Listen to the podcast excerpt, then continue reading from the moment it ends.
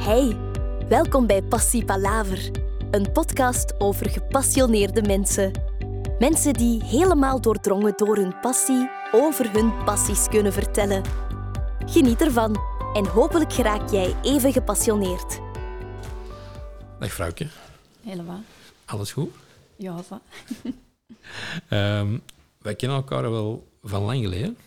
We hebben samen bij Arcadis gezeten, Ja, als ik dat mag zeggen. Ja. Ehm, ja, we gaan even... Jij zei ehm medicijnvrouw, mag ik dat zeggen? Jij mocht dat zeggen. En onder dat andere. ja. ja, dat is een term die enorm resoneert met mij. Ja. Ik, ik ken hè, eh, Dr. Quinn, Medicine Woman, van Ja. vroeger. En ik herinner mij dat ik altijd vol verwondering naar die afleveringen keek. Dat was nu wel een echte dokter, hè? in de klassieke zin van het woord, met de klassieke geneeskunde. en Mensen opereren, naaien, oplappen. En eigenlijk is dat ook ehm, de kern van mijn werk, maar dan minder in het fysieke misschien, meer in het energetische, meer in het onzichtbare. Oké. Ja. Ça va. Ja, we gaan zien hoe dat je tot daar geraakt. Ehm, ja, we zullen beginnen met het begin. Je hebt gestudeerd aan de KUL. Ja. Daarna aan de Universiteit Antwerpen. Ja. Ehm, Universiteit van Michigan. Heb je je scholarship gedaan? Of hoe mag je dat noemen? Wel, ehm, ik zal beginnen bij het begin. Wat mij enorm boeide in die tijd was biologie, het leven, de natuur. Ehm, ik wilde echt weten hoe dat allemaal werkt. Dat stikt een zaadje onder de grond en dat groeit gewoon omhoog. Ik vind dat, ik vind dat echt waanzinnig. Dat ziet er zo petiterig uit. Brengt een zaadcel en een eicel samen en wij komen eruit. Hoe werkt dat? Hoe kan dat? Hoe komt dat? Dus dat wilde ik echt per se weten. Vandaar die studies biologie. En dan ehm, ik weet het niet, ja, ben ik zo'n beetje in dat wereldje gerold waarbij dat je dan ineens aan een thesis vasthangt. Super interessant, heel zelfstandig werken. Je hebt er ook heel veel vrijheid. Je hebt natuurlijk een werkhypothese ehm, en dan de, het onderwerp, eh, ja, de studie op zich. En zoals elke doctoraatstudent eindigde met gedacht van als ik had geweten wat ik nu wist, dan had ik een veel beter doctoraat kunnen maken. Mhm. Dan zou je dat graag opnieuw doen. Alhoewel, ik, ja, ik denk niet dat er veel mensen echt dat graag opnieuw zouden willen doen. En toen, op het einde van mijn doctoraat, kwam ik terecht in eh, Michigan op een congres waar dat ik mocht spreken over mijn onderzoek. En er was een professor en die zei van, ik wil dat je hier eh, bij ons komt werken. En wat was je onderzoek waardoor dat je daar mocht gaan spreken? Mijn onderzoek ging over de opstapeling van zware metalen en gechloreerde verbindingen in de voedselketen van de Europese egel. Oké. heel serieus. Ehm, en dus ja, ik wilde dat heel graag doen, maar na vier jaar werken aan mijn doctoraat was dat nog niet af. Dat was nog niet ingediend, nog niet verdedigd. En dus kon ik daar niet terecht als postdoc, hetgeen waar dat hij mij voor uitgenodigd had, maar hebben ze daar een visiting scholarship van moeten maken. En in het jaar dat ik dan daar aan die universiteit eh, in Michigan werkte, heb ik ook mijn eh, doctoraat dat ik hier aan eh, de Universiteit Antwerpen maakte, afgewerkt. Oké. Dus dat, is samengevallen. En wat vond je een professor die je nu in Michigan zo interessant vond, dan zo interessant aan je studie? Allee, of aan je thesis? Dat gaat hem zelf moeten vragen. Ik weet het niet goed.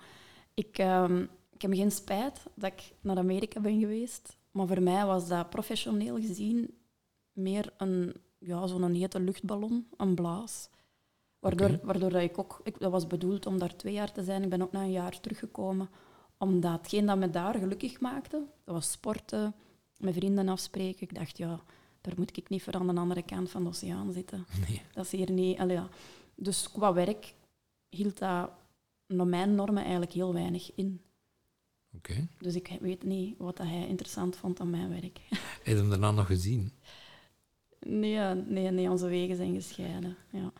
Oké. Maar goed, allee, gewoon, dat was gewoon niet mijn ding. Dat, wat, wat, dat, allee, wat dat er daar van mij verwacht werd, was niet ja, wat ik in de wereld te brengen heb, denk ik. Oké. Ja. En de, daarna zijn dan eigenlijk er ongeveer rechtstreeks, denk ik, eh, begonnen bij Arcadis. Ja, dat klopt. Ik zat toen met de naïeve gedachte, bleek achteraf. Ik dacht, ja, aan die universiteiten, ik had er dan al drie, hè, ervaring met drie. Ik vond dat dikwijls nog wat traag vooruit gaan daar. Of zo, eh, ja, op een of andere manier stootte ik altijd op een inertie of, of een, een, ehm, alsof dat zo schizofreen was naar de buitenwereld toe. We zijn hier met high-level wetenschap bezig, maar op de werkvloer voelde dat meer aan alsof ik in een museum werkte of zo. En dat hadden die drie universiteiten gemeenschappelijk. Dus ik dacht, ja, dat ligt aan de academische wereld. Ik moet het gaan zoeken in het echte, in het echte wereld, hè, bij de bedrijven. En ja, dan vond ik een job op basis van mijn diploma, een eh, doctoraat in de wetenschappen. En zo kwam ik bij Arcades terecht en ik dacht, ja, hier, nu, nu, ja... Ik had ook naar die interviews gekeken van mensen die er werkten en zo. Ja. En? En ehm, in het begin was het kei plezant, hè.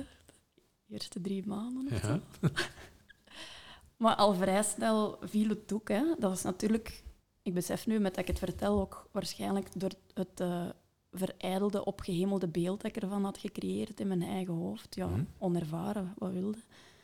Ehm, maar na een tijdje merkte ik van, goh, dat is hier heel veel ehm, repetitief werk werd er van mij verwacht. Dat was wel complex, daar niet van. Hè. Daar moest je echt wel voor gestudeerd hebben. Maar op den duur zat er toch een zekere repetitie in. En het andere, wat ik daar merkte, of waar ik moeite mee had, was het feit dat er vaak ook niet genoeg werk was om mij acht uur bezig te houden. Vlot. En die combinatie die heeft mij echt helemaal genekt toen. En eh, wat deden er? Allee, wat deden er juist? We zaten wel alle twee bij Arcadis, we zaten alle twee bij Milieu. maar ik zat bij Bodem en jij zat op een andere afdeling waar iedereen niet wist van wat Golle deed. Het was per tang. Ik heb dat altijd interessant gevonden om erover te vertellen. Ik zat bij Product Stewardship en wij, een van de hele grote projecten die, waar rond wij werkten was de REACH-wetgeving, waarbij dat wij voor eh, chemische stoffen die binnen Europa werden geïmporteerd of gefabriceerd, risicodossiers gingen opstellen. Dus wij gingen berekenen hoeveel van die stof komt er dan vrij bij de productie en welke andere stoffen komen er vrij bij de productie. Ehm, wat is het risico voor de mens? Wat is het risico voor het milieu, voor het dier, voor het aquatische leven, het terrestrische leven? Ehm, en welke weg legt die stof af vanaf het moment dat die Europa binnenkomt of dat die geproduceerd wordt in een bepaald product, bijvoorbeeld die microfoon waar wij nu in spreken, die wordt gemaakt, heel dat productieproces wordt onderzocht, ontleed, wat komt erbij vrij, Ehm, totdat die micro niet mee werkt en kapot is en scheuren vertoont en dat jij besluit, ik ga die nu wegsmijten, totdat die dus daar op de vuilnisbel terechtkomt. Wat, wat gebeurt er dan met die stoffen? Is er dan ook nog ja, verlies en waar gaat dat naartoe? En die hoeveelheid van die stoffen die eruit vrijkomen, welk risico vormen die? En dus mijn deel was om naar milieu te kijken. Er waren mensen die gespecialiseerd zijn in dat berekenen voor de menselijke blootstelling. Hm? En ik moest kijken van oké, wat doet dat in water, wat doet dat in, eh, in grond, wat doet dat in lucht. Oké. Ehm, was dat voor klanten of was dat voor onszelf toen in een tijd? Of, of kunnen we er een voorbeeld van geven? Ja, dat was voor bedrijven. En dus dat was ehm, alle bedrijven in Europa die met stoffen werkten, dus die die importeren of eh, fabriceerden, die moesten binnen de zoveel tijd, afhankelijk van de hoeveelheid die ze produceerden of importeerden, ehm, binnen x aantal jaren moesten die dat dossier indienen. En natuurlijk zijn er heel wat bedrijven die dan ehm, met dezelfde stoffen werkten. Dus daar werden dan consortia rond opgesteld. Dus bedrijven die gingen samenwerken, omdat alles moest gebaseerd zijn op wetenschappelijke studies. Ehm, of zo leek dat toch. En dus dat was een Europese wetgeving waar, dat, waar dat die bedrijven moesten aan voldoen. Met de grote kanttekening, en tot hiertoe vind ik het zelf ook super interessant. Mhm. Want ik zie zo ook wat, wat fronsen van, "Amai, wauw, er zijn heel veel vragen die, die Ja. erbij opkomen. Waar het niet dat er maar slechts een, een fractie van die dossiers effectief zou gecontroleerd worden op het Ja. einde van de rit. En waren het niet dat er echt heel veel gelobbyd werd, wordt waarschijnlijk nog altijd. En dat begon bij mij, dat ondermijnde voor mij al het werk dat wij erin stopten. Dus er werd echt, ja, ik kan, dan, ik kan geen namen noemen of, of dat zit ook gewoon te ver weg. Ik ben dat bijna allemaal vergeten, maar ik herinner me dat er dan gelobbyd werd van, ah ja, als er zo- zoveel van een stof vrijkomt en dat is gevaarlijk voor mensen, dan zouden die handschoenen moeten aandoen. Oh nee, maar we kunnen niet van mensen vragen om acht uur op een dag met handschoenen te werken. Dus er werd gelobbyd van, hoeveel uur moeten we dan die mensen met handschoenen laten werken, zodat het dossier toch in orde is. En dat zijn voor mij gewoon al... Dat, dat, dat past al niet meer in mijn schedelke. Dat- Zo'n vraag stellen, dat, dat, daar, ja, daar kan ik moeilijk vrede mee vinden. Eh, wacht, dan moet je weer twee vragen bij. De eerste, je hebt er juist gezegd, eh, het leek alsof dat daar wetenschappelijke studies aan moesten voor worden gedaan. Wat bedoel je met leek? Leek, daarmee bedoel ik dat er ook gewerkt werd met studies die betaald werden door de bedrijven die de stof importeerden of Ah, ja, ja. En dat is voor mij ook een, een breekpunt. Dus als je, als je zelf iets in de markt zet en je wilt dat laten controleren, een norm of zo, en Ja. je gaat dan ook nog eens zelf die norm Bepalen. bepalen, subsidiëren, Oké. Dat Ja, is dat- raar. Dat is raar, maar, zo draait de wereld. Hè. De hele farmacie draait... eh, allee, dat, dat, is nu, dat mag ik zo niet zeggen. Maar, maar dat is dan het effect dat dat bij mij heeft. Hè. Dan slaagt dat helemaal om. Dus dat, ik, heb, ik heb nooit echt vrede daarmee kunnen vinden. En dan is ineens voor mij is dat dan... Dat is precies zwart-wit. Dan, is het, dan slaagt dat over naar... Oh ja, dan is dat allemaal slecht. Dan is dat allemaal. En daarom dat ik zo'n uitspraak doe. Ja, oké, ik Ja. snap ze wel. En, en dat gelobby, dat ging dan echt over met, eh, met jullie? Of met, was dat de klant met jullie? Of was dat eerder achteraf van, ja, mm, dat staat er wel in, maar dat kan nog misschien anders worden? Ja, alle stakeholders, alle, alle mensen die, die er aan bij droegen om zo'n dossier rond te kunnen krijgen. Dus ja, in, in C, met ons, goh, ja, Jullie stuurden een draftversie door, die werd besproken door iedereen van de firma. En dan kwam de opmerking terug, misschien zouden we dit toch anders willen geformuleerd zoiets, zien. ja. ja. Dus het was niet rechtstreeks naar jullie, maar... Ja. Maar natuurlijk, wij als wetenschappers, zullen we dat maar zeggen, hadden Ja. ook wel dan de taak om eh, de vastgelegde norm te, te verdedigen. Hè. Maar, maar het feit dat daar zo... Dat roept bij mij gewoon intern. Ik voel nu mijn hartslag al omhoog gaan. Ja.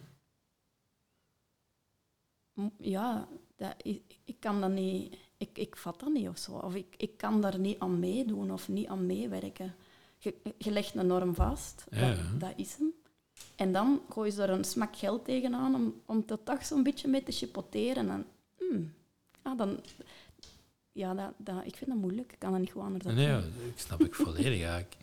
Ehm, en hoe is het daarna? Ehm, hoe lang heb je daar gezeten? Of moet ik dat even opzoeken? Nee, nee, nee. Ik heb daar, want lang, wat is lang? Hè? Ik heb daar te lang voor mezelf gezeten. Hè? Ik heb dat lang genoeg volgehouden. Totdat ik vergelijk dat dikwijls met een plantje dat je zo ergens laat staan en je Mhm. geeft dat je niet genoeg licht, niet genoeg water, niet genoeg voedingsstof. En ja, hoe lang duurt dat voor dat plantje dood is? Ik heb zo lang daar blijven zitten, wat nog altijd niet super lang is, maar tot ik wel helemaal dood en verdord was. Oké. Psychologisch, fysiek, emotioneel, mentaal. Ik was er helemaal onderdoor. En daarna is het dan begonnen als trainer bij Vierkant Consultants. Ja, maar dat is natuurlijk... Want ik denk dat dat ongeveer zes maanden later was. Daarom dat ik zeg, dat is lang, Mhm. maar niet lang. Ja. Want ik, heb, eh, ik ben inderdaad begonnen bij Vierkant dan. Ehm, ik heb ook loopbaanbegeleiding gevolgd en van alles gedaan in die zes maanden. Om te onderzoeken van wat is dat, wat, wat gebeurt er hier nu. Ehm, ja, ik ben dan begonnen als trainer in soft skills. Iets wat dat mij al langer eh, interesseerde, iets wat ik heel dikwijls had aangegeven bij de vorige werkgever, van ja, ik wil mee presentaties geven, want dat, dat, dat deed ik en dat doe ik nog altijd heel graag. En eh, in dat trainerschap, ja, daar zit dat zo wel wat in. Je moet de kennis zodanig ehm, verwerken, beleven, integreren, dat je andere mensen kunt inspireren en aanzetten om dat ook te willen leren. En dat, ik vind dat een heel boeiend proces, want dat zet een goede trainer eh, innerlijk in gang met alle kennis en alles wat er dan gebeurt in uw lijf, in uw denken, in uw, in uw emoties. Als je dat dan vervolgens aan een groep vreemde mensen die s'morgens bij u, rond u verzamelen, als je dat wilt overbrengen, ja, dan, als je wilt dat dat slaagt, dan moet je goed weten over wat dat je spreekt. Hè. Dan, zij komen ook angsten tegen, weerstand, koppigheid. Ik wil dat niet, ik moet hier zijn van mijn baas, ik wil dat niet leren. Ehm, en dat moeten begrijpen. Hè. En om dat te begrijpen, moeten zelf daardoor gaan. En zo kunnen die mensen dan meepakken. Ik vond het waanzinnig plezant om te doen, maar wel heel heel uitdagend ook. En dat, dat vraagt ook heel veel van, eh, van mijn systeem. Omdat ik, heb dan na een tijd ontdekt dat als er mensen bij waren, die bijvoorbeeld hè, deelnemers, die in stilte zaten te mokken als het ware, die weerstand bouwt op, en, maar die zwijgen, die zeggen niks, dat ik dat op den duur begon te voelen. Maar zonder, in het begin wist ik nog niet dat dat proces gebeurde, hè, dus ik had dat dan niet door. Maar ik begon me dan echt super slecht te voelen. En dan ging ik echt met zo'n loodzwaar gevoel naar huis, tot ik begon te beseffen van, hé, hey, maar dat is niet van mij, dat is van die mensen. En ik voel dat gewoon. En dan ben ik daarmee beginnen oefenen. Um, met mij, als het ware, zo een, soort van scanner, zo, een radar. Van, oké, wat zit er hier op mijn radar rond mij? En dan kon ik zo ontdekken van, oh ja, dat, oh, oh ja, dat komt van bij die persoon. Ah, die zit daarmee. En dan kon ik daarmee spelen, want dan kon ik dat gaan benoemen. En kon ik, dan kon ik de mensen uh, confronteren. Klinkt, klinkt wat hard, maar kon ik eens vragen van, hey, zou dat kunnen, dat, dat en dat en dat aan de gang is bij u? Oh ja, amai, ik ben blij dat jij dat zegt. Hop. En dan was er een opening en dan konden we weer verder. Oké. Okay. Ja. Zo, en daarna heb je een boek geschreven over bore-out. Wel ja, dat is eigenlijk wat er mij dan overkomen is bij Arcades. Oké. Ja. Maar die, die waren al langer aan het schrijven dan? Uh, nee, dat heeft me wel wat... Dat heeft me wel... Hoe is dat eigenlijk begonnen? Dan moet ik echt al teruggraven in mijn geheugen. Um, ik denk, ja, met te werken met die groepen als trainer, merkte ik dat ik nog meer voldoening haalde uit die één op één gespreksjes en bewegingen dat er binnen zo'n training gebeurde. Zoals dat voorbeeld dat ik daarnet gaf. Um, en dat ik dacht van wat ik heb meegemaakt, ik zag dat ook wel bij andere mensen en ik droeg daar nog altijd de gevolgen van. Hè, want uh, ik, ik, dat, dat heeft bijna zeven jaar geduurd voordat dat volledig verwerkt was. En dan bedoel ik ook de diepgaande vermoeidheid die, er, die eraan vasthing en dat effect dat dat heeft op je lichaam, op je geest en zo. Maar goed, om dat uh, te verwerken zelf ben ik beginnen schrijven. En uh, ik heb al mijn mails uit die tijd boven gehaald. Um, En ik ben dat in chronologische volgorde gewoon beginnen opschrijven. Eigenlijk gewoon eerst in eerste instantie voor mezelf om te zien wat dat met mij zou doen. En dat was echt nodig, want dat was echt... Uh, oh, ik heb zitten janken toen, als ik aan het schrijven was. Ik denk dat dat ja, ergens 2012, 13 moet geweest zijn, ja. Oké. Ja. En dan ben ik... Uh, 2013 ben ik als zelfstandige begonnen. Omdat ik dan meer werk wou maken van die... Um, van die één-op-één sessies en dat, en dat coachen, wat ik dan ondertussen via die trainingsvaardigheden um, opgedaan had. Ik was dan ook begonnen bij Jeff Clement, wel Jeff Clement, voor, uh, voor een coachopleiding. En daar moeten altijd oefenen, hè, met, ah, met medestudenten. En dan moet ook onderwerpen vinden. En je kunt best niet doen alsof, hè, want dat, dat leidt tot niks. En dus een van mijn onderwerpen was van, ja, ik ben aan een boek aan het schrijven. Ik had er dan zo het idee op gevat van, ik kan er een boek van maken. En, en wat is er allemaal voor nodig dat dat echt een boek kan worden? het is eigenlijk door die oefeningen met medestudenten te doen, dat dat echt zo begon te rijpen van ja, ik kan dat, ik kan dat doen, ik moet dat echt gewoon doen. Oké. En dan heb ik dat gedaan. en kun je eh, het eens uitleggen wat ehm, het verschil tussen bore-out en burn-out is? Omdat, ik heb het altijd wel eens een keer gelezen. Allee, ik, heb, uh, ik heb de symptomen burn-out, symptomen bore-out gelezen. Er zijn gelijkenissen. En het is niet altijd heel duidelijk om te zeggen van dit is het verschil. Mm. Kun jij dat uitleggen? Wel, of proberen? Ik denk dat dat al afhangt met welke definitie hè, dat je een bore-out en een burn-out geeft. En er zijn verschillende perspectieven op. En hoe dat ik het toen zag in de tijd dat ik mijn boek geschreven heb, was dat als je de definitie van een burn-out hanteert, waarbij dat je iets doet dat je passie is, mhm. maar dat je gewoon in compleet een overdrijf gaat. dus stel, tekenen is je passie en je gaat 60, 80 uur per week tekenen en je ondermijnt daarmee andere noden van je lichaam, zijn de rust, eten, drinken, dan gaat in burn-out. En um, in, de klas, ja, in de meest strikte zin van een bore-out gaat dat over verveling, dus onderprikkeling. Je wordt niet, compleet niet genoeg uitgedaagd, je hebt geen werk, niks te doen, je verveelt je. Gelijk je een kind ergens dropt, hou je nu maar acht uur bezig in een lege ruimte. Je verveelt je. Maar dan natuurlijk, gevoelt al, dat is heel zwart-wit. In het echt zijn er heel wat nuances tussen die twee extremen mogelijk. En dus ik, ik heb dan een, een soort van onderscheid gemaakt ehm, waarbij dat je een bore-out ook kunt krijgen als je wel prikkels krijgt, maar die prikkels voeden u niet. Dus je gaat bijvoorbeeld acht uur werken en je kunt dat werk wel en je doet dat goed, maar dat interesseert u eigenlijk niet, dat boeit u niet echt helemaal, zoals ik daar straks vertelde met, mijn, met mijn dossiers, dat, dat, dat dat bandwerk werd. Dan is dat ook, ook een soort van verveling. Oké. En bij een, um, als je echt een, een burn-out hebt, dan moet je kijken van wat moet ik terugschroeven, wat moet ik minder doen om terug een evenwicht te krijgen. En als je dan kijkt naar die klassieke bore-out, dan is de vraag enerzijds, wat moet ik meer doen om mij niet meer te vervelen? Of wat moet ik anders doen om mij niet meer te vervelen? En als je beide situaties laat aanslepen, burn-out, bore-out of een combi van de twee, want dat kan ook, op een bepaald moment komt er de, de, de slag, hè, de reset, dat je lijf echt zegt, nu is het gedaan. En vanaf dan is dat denk ik zeer gelijklopend. Maar het is wel heel belangrijk dat je weet wat dat de aanleiding was, zodanig dat je de juiste maatregelen achteraf kunt treffen. En dat is niet altijd zo gemakkelijk uh, ja, voor mensen om, om die puzzel te leggen of om het zodanig te analyseren. En mensen hebben ook heel dikwijls de neiging om te denken, ja, een burn-out of een burn-out, dat komt... Burn-out. burn-out. Dat komt, dat komt van mijn werk, maar dat is niet. Ik ben achteraf dan daar ook coach rond geworden. Als ik dan zelfstandig was, heb ik eerst gewerkt rond hoogsensitiviteit en later is daar hoogbegaafdheid en bore-out bijgekomen. En ik zag veel mensen die, um, die dus dachten van ja, dat komt gewoon van mijn werk, maar wij hebben het dan altijd naar de wakkere tijd. Ik noemde dat de wakkere tijd. Dat is ja. al uw tijd, ook in uw privé. Uh, dat is één ding. En ik heb heel veel mensen toen over de vloer gehad die eigenlijk met een bore-out kampten. Dus het zij de pure verveling, het zij de verveling voortkomend uit de, de, de niet, ja, te weinig voldoening scheppen. Dus wel, wel goed bezig zijn in een week. Hè.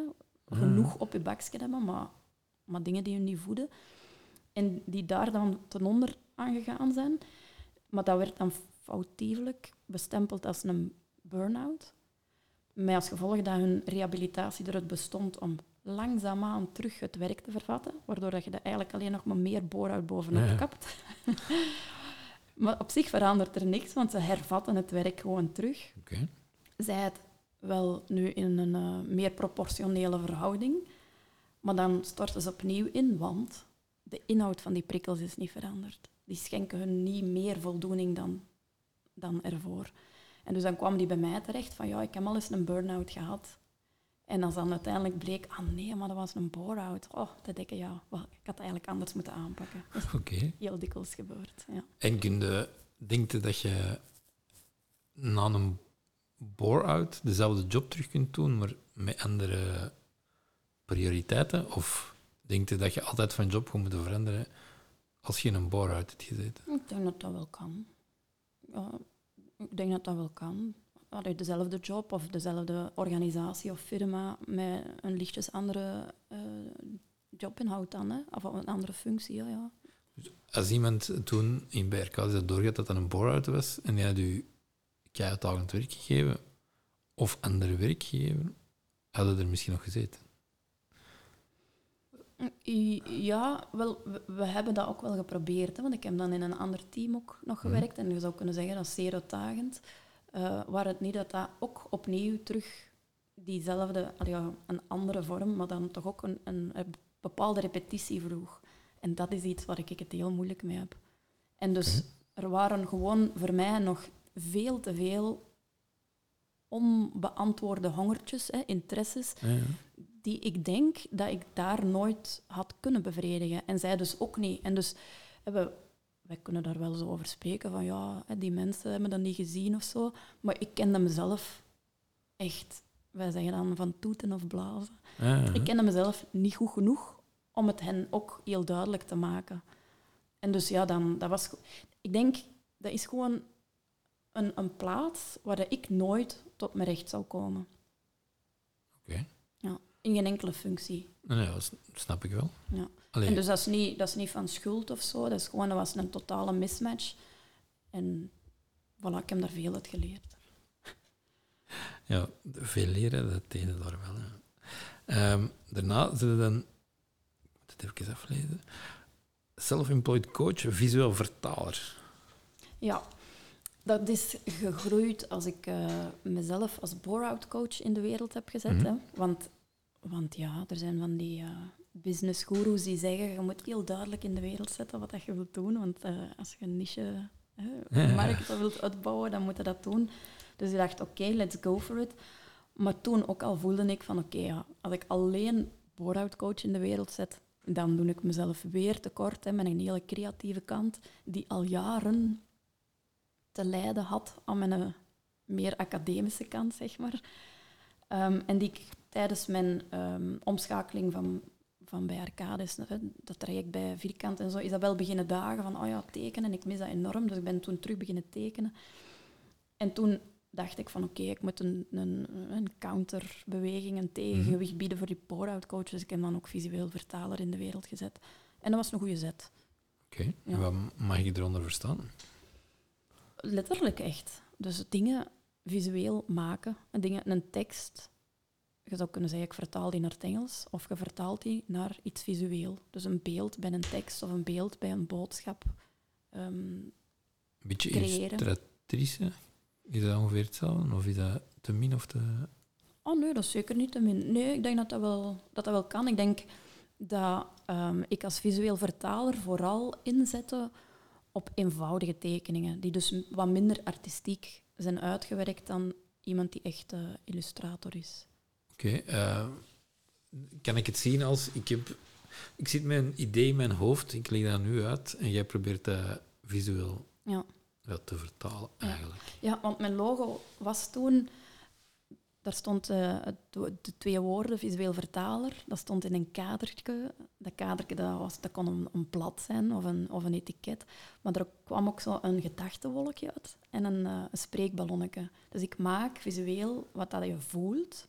Dus Mhm. wat je denkt, of wat je ziet, of wat je bedoelt. Dus ja, al, al die dingen die voor heel veel, veel mensen ongrijpbaar zijn, omdat dat in hun gedachten zit. En ze, ze zien daar misschien eventueel wel iets, maar ze kunnen dat niet in een, in een beeld vangen. Dat, dat, dat was wat ik toen deed. Oké, dus eigenlijk waren de mensen die bij u kwamen die zeiden, ja, ik heb dit, die vertellen een verhaal, die zeggen, ja, het enige in mijn gedachten opkomt is, ehm, ja, een kikker, maar ik heb hem dan even zien staan, en ehm, een lichtje. Ja, maar dat is al, dat is al heel specifiek. Hè. Ah, er zijn heel veel mensen die niet echt in beelden denken. Hè. Die, die, die hebben een boodschap. Ik, ik vind dat heel moeilijk om dat uit te leggen, want ik denk natuurlijk wel in beelden. maar die, ehm, die hebben een boodschap. Ja, die willen, die willen iets vertellen aan mensen, of, of die voelen iets. En me- meestal was dat een beetje zo warrig als ik nu aan het vertellen ben. en die woordenstroom die rolt over mij en hop, die beelden, dat begint gewoon spontaan in mijn hoofd te stromen. En ik probeer die dan te vangen. En dan heel eenvoudig te, te schetsen op papier. En dan zijn we vertrokken, want dan zeggen die mensen... Ah ja, nee, dit- ja, ja, dat is het. Oh, en dat stukje, nee, dan wel minder. En dan vertellen ze verder, komt er weer een nieuw puzzelstukje. En zo wordt het dan opgebouwd. Eh, daarna zijn dan begonnen als scientific pro- projectassistent. Dus eigenlijk terug naar de wetenschap, of hoe moet ik dat bekijken? Of was dat totaal niet? Ja, maar daartussen, tussen in die en overgang... Dat staat natuurlijk niet zo op mijn cv, Oké, maar ben ik dus terug de plas overgestoken. Deze keer niet naar, eh, naar Michigan, ja, maar naar Zuid-Amerika, naar Peru. oké. En ik ben daar in de jungle terecht gekomen. Allee, ja. Ja. Dat klinkt avontuurlijker dan het is. Hè. Het is gewoon een vliegtuig nemen, dan een boot en een auto. En dan kom je op den duur wel in de jungle. Ehm, en dat heeft wel het een en ander in beweging gezet bij mij, waardoor dat eh, combinatie bore-out coach, waar ik vooral dus werkte rond hoogsensitiviteit, hoogbegaafdheid, bore-out en dan visueel vertaler, waardoor dat... eh, mm, hoe kan ik dat best uitleggen? Ik had daar in die jungle bepaalde sprongen op persoonlijk vlak, innerlijk vlak gemaakt. En ik kreeg die sprongen niet, niet vertaald in mijn werk, zodat ik het publiek waar ik toen voor werkte in één klap meekreeg. Want ja, die mensen waren nooit in de jungle geweest. Ik kreeg die vertaalslag toen niet gemaakt. Oké. En dus toen heb ik echt even moeten herevalueren van wat wil ik nu eigenlijk doen? Ehm, dus het is eigenlijk grappig, want je kijkt naar mijn, naar mijn tijdslijn. Hè? En ik besef, met dat we die nu zo onder de vergrootglas leggen, dat heel mijn traject op vlak van persoonlijke ontwikkeling zich gewoon super mega hard aftekent in mijn cv. Terwijl dat bij andere mensen mogelijk nooit aan de cv te zien is, maar bij mij is dat echt super transparant. Hoe bedoel je? Wel, dat, er kan iemand gerust 20, 30 jaar op dezelfde plek werken en ondertussen ook, ook eh, stappen zetten in persoonlijke ontwikkeling. Maar ja, dat zie je dan niet zo hard op die cv. Maar bij mij is dat wel heel, heel expliciet. Ja, ja, ja, redelijk. Ehm, ja, na, na enkele omschrijvingen ja, stond er eigenlijk gewoon soulful creator. En daaronder medicine woman. Ja, dat klopt. Ik heb inderdaad als, als scientific eh, project medewerker daar, ehm, en wat erop volgde, heb ik vooral even voor mezelf een financiële basis eh, verstrekt. Hè, Ja. En ehm, mezelf de tijd gegeven om te herevalueren. Hè, van wat wil ik nu in de wereld zetten. En het universum heeft me daar op, op een goede manier mee geholpen. Door bepaalde, ehm, ik zou bijna zeggen, een soort van mismatchen op mijn pad te gooien. Waardoor ik wel moest zeggen van, ho, ho, ho, deze klopt niet voor mij. Ik moet echt iets anders doen. En uit die ho, ho, ho, want dat is nu zo rap op twee seconden gezegd, Ja. maar dat heeft wel een paar maanden geduurd, is dan naar voren gekomen van, goh, als ik echt mijn hart en mijn ziel volg, dan eh, is het echt tijd dat die medicine woman van achter de toneel, allee, of van achter de coulissen gehaald mag Mhm. worden. En eh, zonder coulissen, zonder toneel, want dat is gewoon, dat is gewoon mijn kern, dat is gewoon mijn aard. En dus heel dat traject, professioneel ook, heeft ertoe geleid dat ik dat eindelijk, godzijdank, heb mogen ontdekken. En daar nu durf voor gaan staan. Oké. En hoe is dat geworden? Ik ben zo geboren. Oké. Dus ik, ik zie dat meer als, een, als dat dat mijn kern is en dat er dan vanaf de geboorte door allerlei omstandigheden, studiekeuzes die je maakt, maar ook waar je opgroeit, gezin van herkomst, dorp, maatschappij, land, dat er allemaal zo jasjes of laagjes rondkomen. En eh, ik denk dat wat er nu gebeurt, is dat... Al, ik, zal nu- ik zal misschien voorzichtig spreken, maar heel wat van die laagjes eraf zijn, waardoor dat die kern terug zichtbaar wordt. Oké. Ehm, en maar er stond, ik heb er ook iets van, nu heb ik hem weggelegd. Eh stond ik het bij van shamanisme? Niet? Ja. Leg uit. Ja, legaat, Kevin. Ja. Ik heb ik geen definitie klaarzitten van shamanisme, maar Maar je hebt ook al een bepaalde periode bij een shaman zelf gezeten. dat was die tijd in Peru, in de jungle. Ja, ja en, en ook dat, dat is, eh, en mensen hebben daar vaak ook een iets te romantisch beeld van, of zo de clichébeelden die al eens op documentaires verschijnen, dat je dan zo in een hutje in de jungle maanden aan een stuk ehm, amper gekleed rondloopt, maar het is, dat is, ja, zoals ik zeg, een iets te romantisch beeld. Ik ben daar inderdaad een tijd verbleven, een aantal maanden, bij, bij die mensen daar, om te zien hoe dat die hun werk deden. En die reisden rond in het noorden van Peru. Die gingen bij mensen thuis ehm, ceremonies doen, rituelen doen. En ik heb gewoon daarbij geweest en al mijn zintuigen op alle vlakken, in alle dimensies, dimensies waarvan ik zelfs niet wist dat ze bestonden, opengezet om, om te leren daarvan. En dan, en dan bestaat de oefening erin, eens terug hier, van oké, hoe, hoe ga ik dat nu allemaal integreren in mijn werk, in mijn leven? En dan ben ik dus tot, tot besluit gekomen, met die omzwervingen, ehm, dat de enige manier voor mij om dat echt...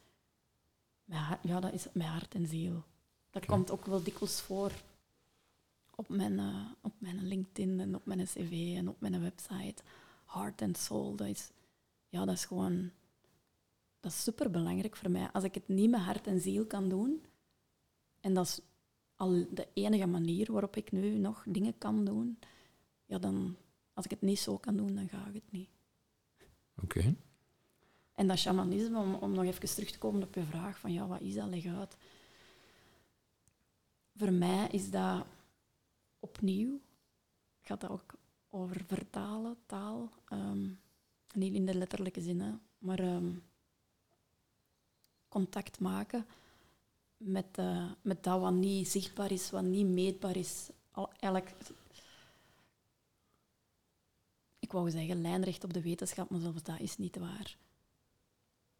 Want de raakvlakken en zelfs de overlappende vlakken met wetenschap zijn heel groot als je de juiste bril opzet om er naar te kijken. Je, je moet het kunnen zien, anders zie je het niet. En dat vinden wetenschappers heel moeilijk. Hè? Als, als er wetenschappers zijn die het andere luik totaal niet kennen, dan wordt het, afge, dan wordt het genegeerd of, of afgestreden, of dan bestaat het niet, of dan is het niet waar. Terwijl het hun eigen beperking is die maakt dat ze het niet kunnen zien, niet kunnen meten. Kun je er een voorbeeld van geven? Of is dat moeilijk?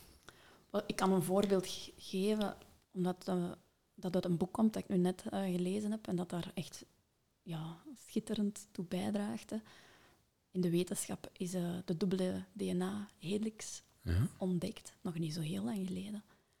En eh, bij antropologisch onderzoek van heel wat shamanen in, in de, uit de jungle, uit, uit Zuid-Amerika, is gebleken dat het bestaan van de dubbele DNA-helix al, al honderden jaren gekend is. Misschien niet met die naam, maar wel in de beelden en in de, de visioenen die die mensen krijgen en in de ehm, methoden, technieken waarmee ze werken. En dus dat is hetzelfde onderwerp, zeg maar. De ene bekeken vanuit de, de bril van het shamanisme, de andere bekeken vanuit de bril van, het, van de wetenschap. Oké. En met mijn eigen ervaring, als ik shamanistisch werk doe, ehm, zie ik bijvoorbeeld vaak... Ja, nu zie je mij naar boven draaien met mijn ogen, omdat, omdat ik die beelden terug oproep. hè. Ehm, een soort van matrix, ge- geometrie. Ehm bijna alsof dat ik zo in het binnenste van een computer of in verbindingen of van binnen in de wifi kan kijken. Ehm, en toen heb ik dus ontdekt van, goh, dat is eigenlijk dezelfde bron van informatie waar we met technologie gebruik van maken, als waar dat we ook vanuit het shamanisme mee kunnen werken. Dat is, ja, ik weet niet of dat, dat Nee, op nee, een of andere eh, manier steek houdt.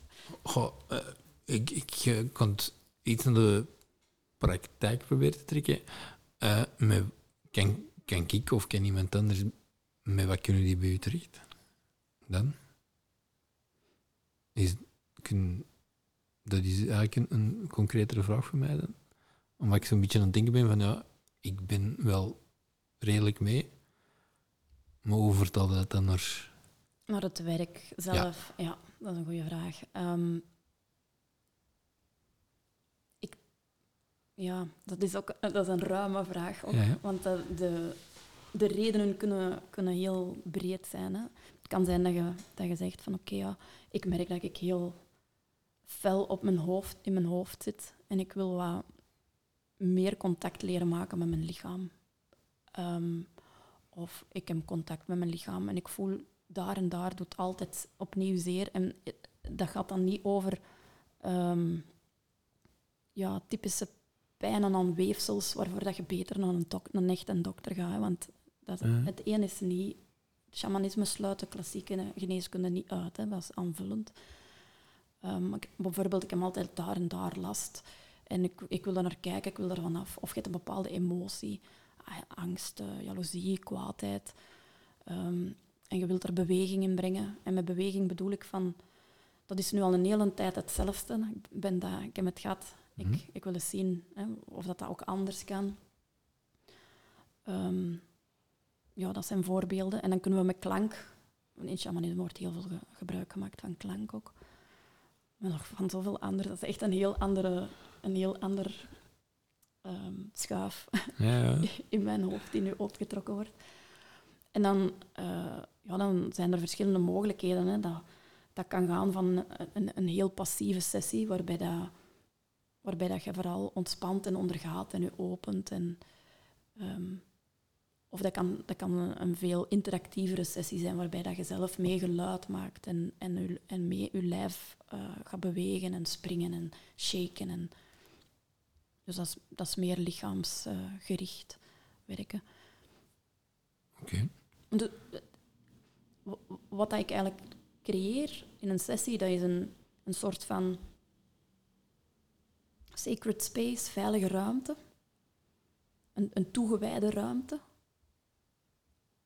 Waarbinnen dat we heel specifiek aan iets gaan werken. En we doen dat alle twee, we doen dat samen. En dus Oké. het is niet dat ik dat heel bij jou of zo, of iets, ja. Jij, jij komt en ik, ik maak de setting zo dat jij eigenlijk je healing kunt doen daar. En in, tot die setting behoren eh, effectief een, een, een, een droge, goed ingerichte ruimte. Heel praktisch, heel? Ehm, maar dan ook meer de, met de, vertaal, vertaalslag naar dat spirituele. Dus waarbij dat we ehm, met een altaartje werken, ehm, bepaalde spirits gaan eh, uitnodigen in licht. En Je kunt ook eh, echt om, om het licht vragen. Eh, waarbij dat er gebruik gemaakt wordt van ratel, van drum, eh, van chakapa, van andere eh, instrumenten. De stem, want dat is een heel belangrijk instrument ook. En zoals ik daarnet zei, dat kan mijn stem alleen zijn of dat kan die van jou erbij zijn of, of allebei. Dat wordt op voorhand ook gewoon afgetoetst. Hè, van tot wat zij bereid of, of wat zoekt je zelf of wat, wat voelt je zelf. Mhm. Ehm, en je kunt gaan liggen kunt gaan zitten of je kunt gaan staan. Dus dat hangt er ook weer vanaf. En dan, ehm, ja, het verdere verloop, dat, dat, dat laten we los en dat, dat kun je ook bijna niet omschrijven. Je moet dat... Eigenlijk gaat dat om de bereidheid, om, om het te openen tot van oké, laat ons eens zien wat er, wat er mag ontstaan, wat er kan gebeuren. Want ik zou nu zo'n typische sessie kunnen omschrijven en dan denkt iedereen van, ah ja, maar dat moet er dan zo uitzien. Iedereen maakt er dan een beeld Ja. van. En dat is nu net wat dat we niet willen. Als we een sessie op maat maken, Mhm. dan, gaan we niet, dan gaan we niet werken naar een beeld toe. Dan gaan we kijken van, ja, wat, dient er zich aan? Wat voel ik in het hier en nu? Oké. En dan gaan we daarmee werken en zien waar dat we geraken. En dat kan ineens heel diep zijn, maar dat kan ook ineens... Dat kan met, met stapjes gaan. Dus dat je een paar keren terugkomt en dat we, we zo samen op pad gaan eigenlijk. Ik loop dan een stukje mee op uw pad, als het ware. Oké. Ehm, dan nog een andere vraag. Ik weet dat ik u, voordat je vertrok naar Peru, had ik u ook gevraagd, omdat ik toen er ook al mee bezig was met de podcast. En toen had ik gezegd, ja nee, want ik kon eerst naar Peru en daarna zien we wel. Hoe vinden of hoe contacteerde ja, die shaman in Peru? Dat is ook weer nu zo heel... Als geen rocket... Of rock- dat is niet zo heel bijzonder. Er zijn gewoon mensen van over de hele wereld, ook vanuit België, die af en toe naar Peru reizen om daar in de jungle retreats te organiseren. En dan komt daar een shamaan zijn werk doen. En dus zo ben ik eerst met een groep meegereisd naar de jungle. Ik heb die shamaan ontmoet. En ik heb dan daarna aan die shamaan gevraagd van, hé, mag ik met u een tijdje meereizen om te, om te leren? En wat was deze reactie? Deze reactie was, eh, dat is goed, maar je moet wel Spaans leren, want toen, toen sprak ik nog geen Spaans. En je moet vlees eten, want dat is echt te moeilijk voor hun om zo vier maanden met een buitenlander opgescheept te zitten, om dan heel de tijd aangepaste maaltijden te moeten zoeken. Dus dat is echt gewoon, dat is gewoon praktisch. En dat is gelukt. Ja, ik eet vlees. Dat, ik, ik eet vlees. Amai, Nu vallen er waarschijnlijk al mensen achterover. Oh my god. Nee, maar af en toe eet ik vlees. Het is te zeggen, Ja. ik heb er geen moeite mee. Ehm, en Spaans, ik had toen zeven maanden. Ah, oké. En dat is ook redelijk gelukt. Dus hij vond het niet ongemakkelijk dat je erbij wordt. Allee, ik bedoel, hij vond het aangenaam dat je erbij wordt. Dat ga dan hem moeten vragen. Ik ken geen Spaans. ik zal het u vragen. ik zal het voor u gaan vragen.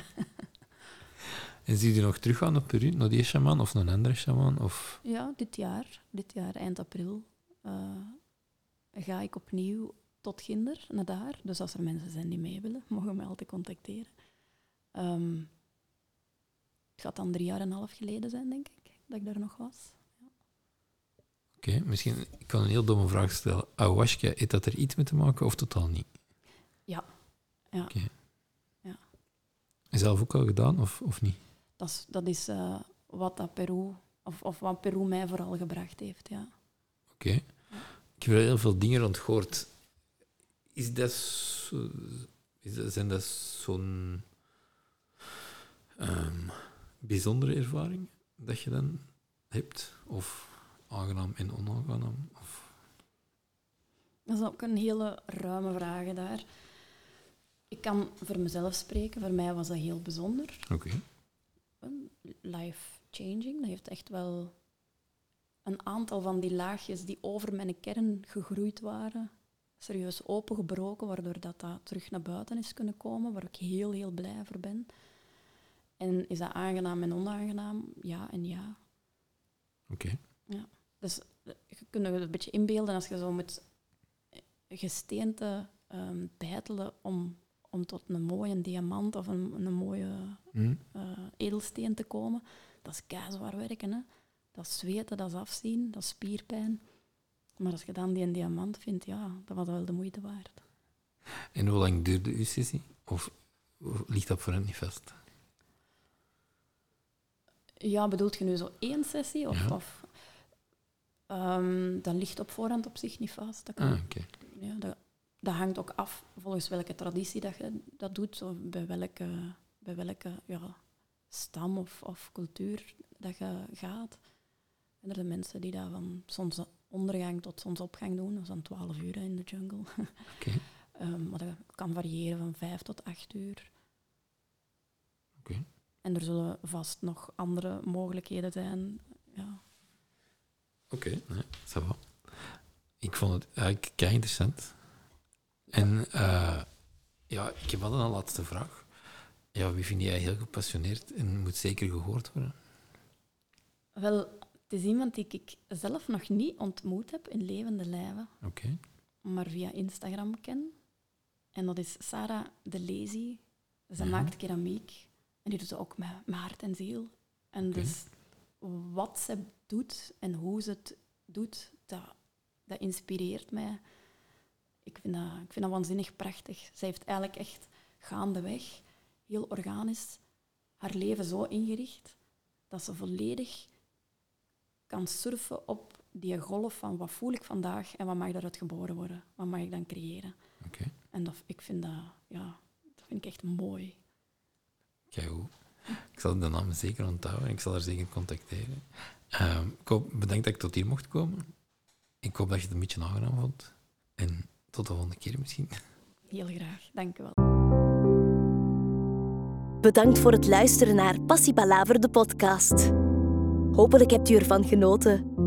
Je kan ons altijd volgen op Instagram, het Podcast. We zijn bereikbaar op www.passiepalaver.be. En als er suggesties of opmerkingen zijn, kan je altijd mailen naar passiepalaver.gmail.com.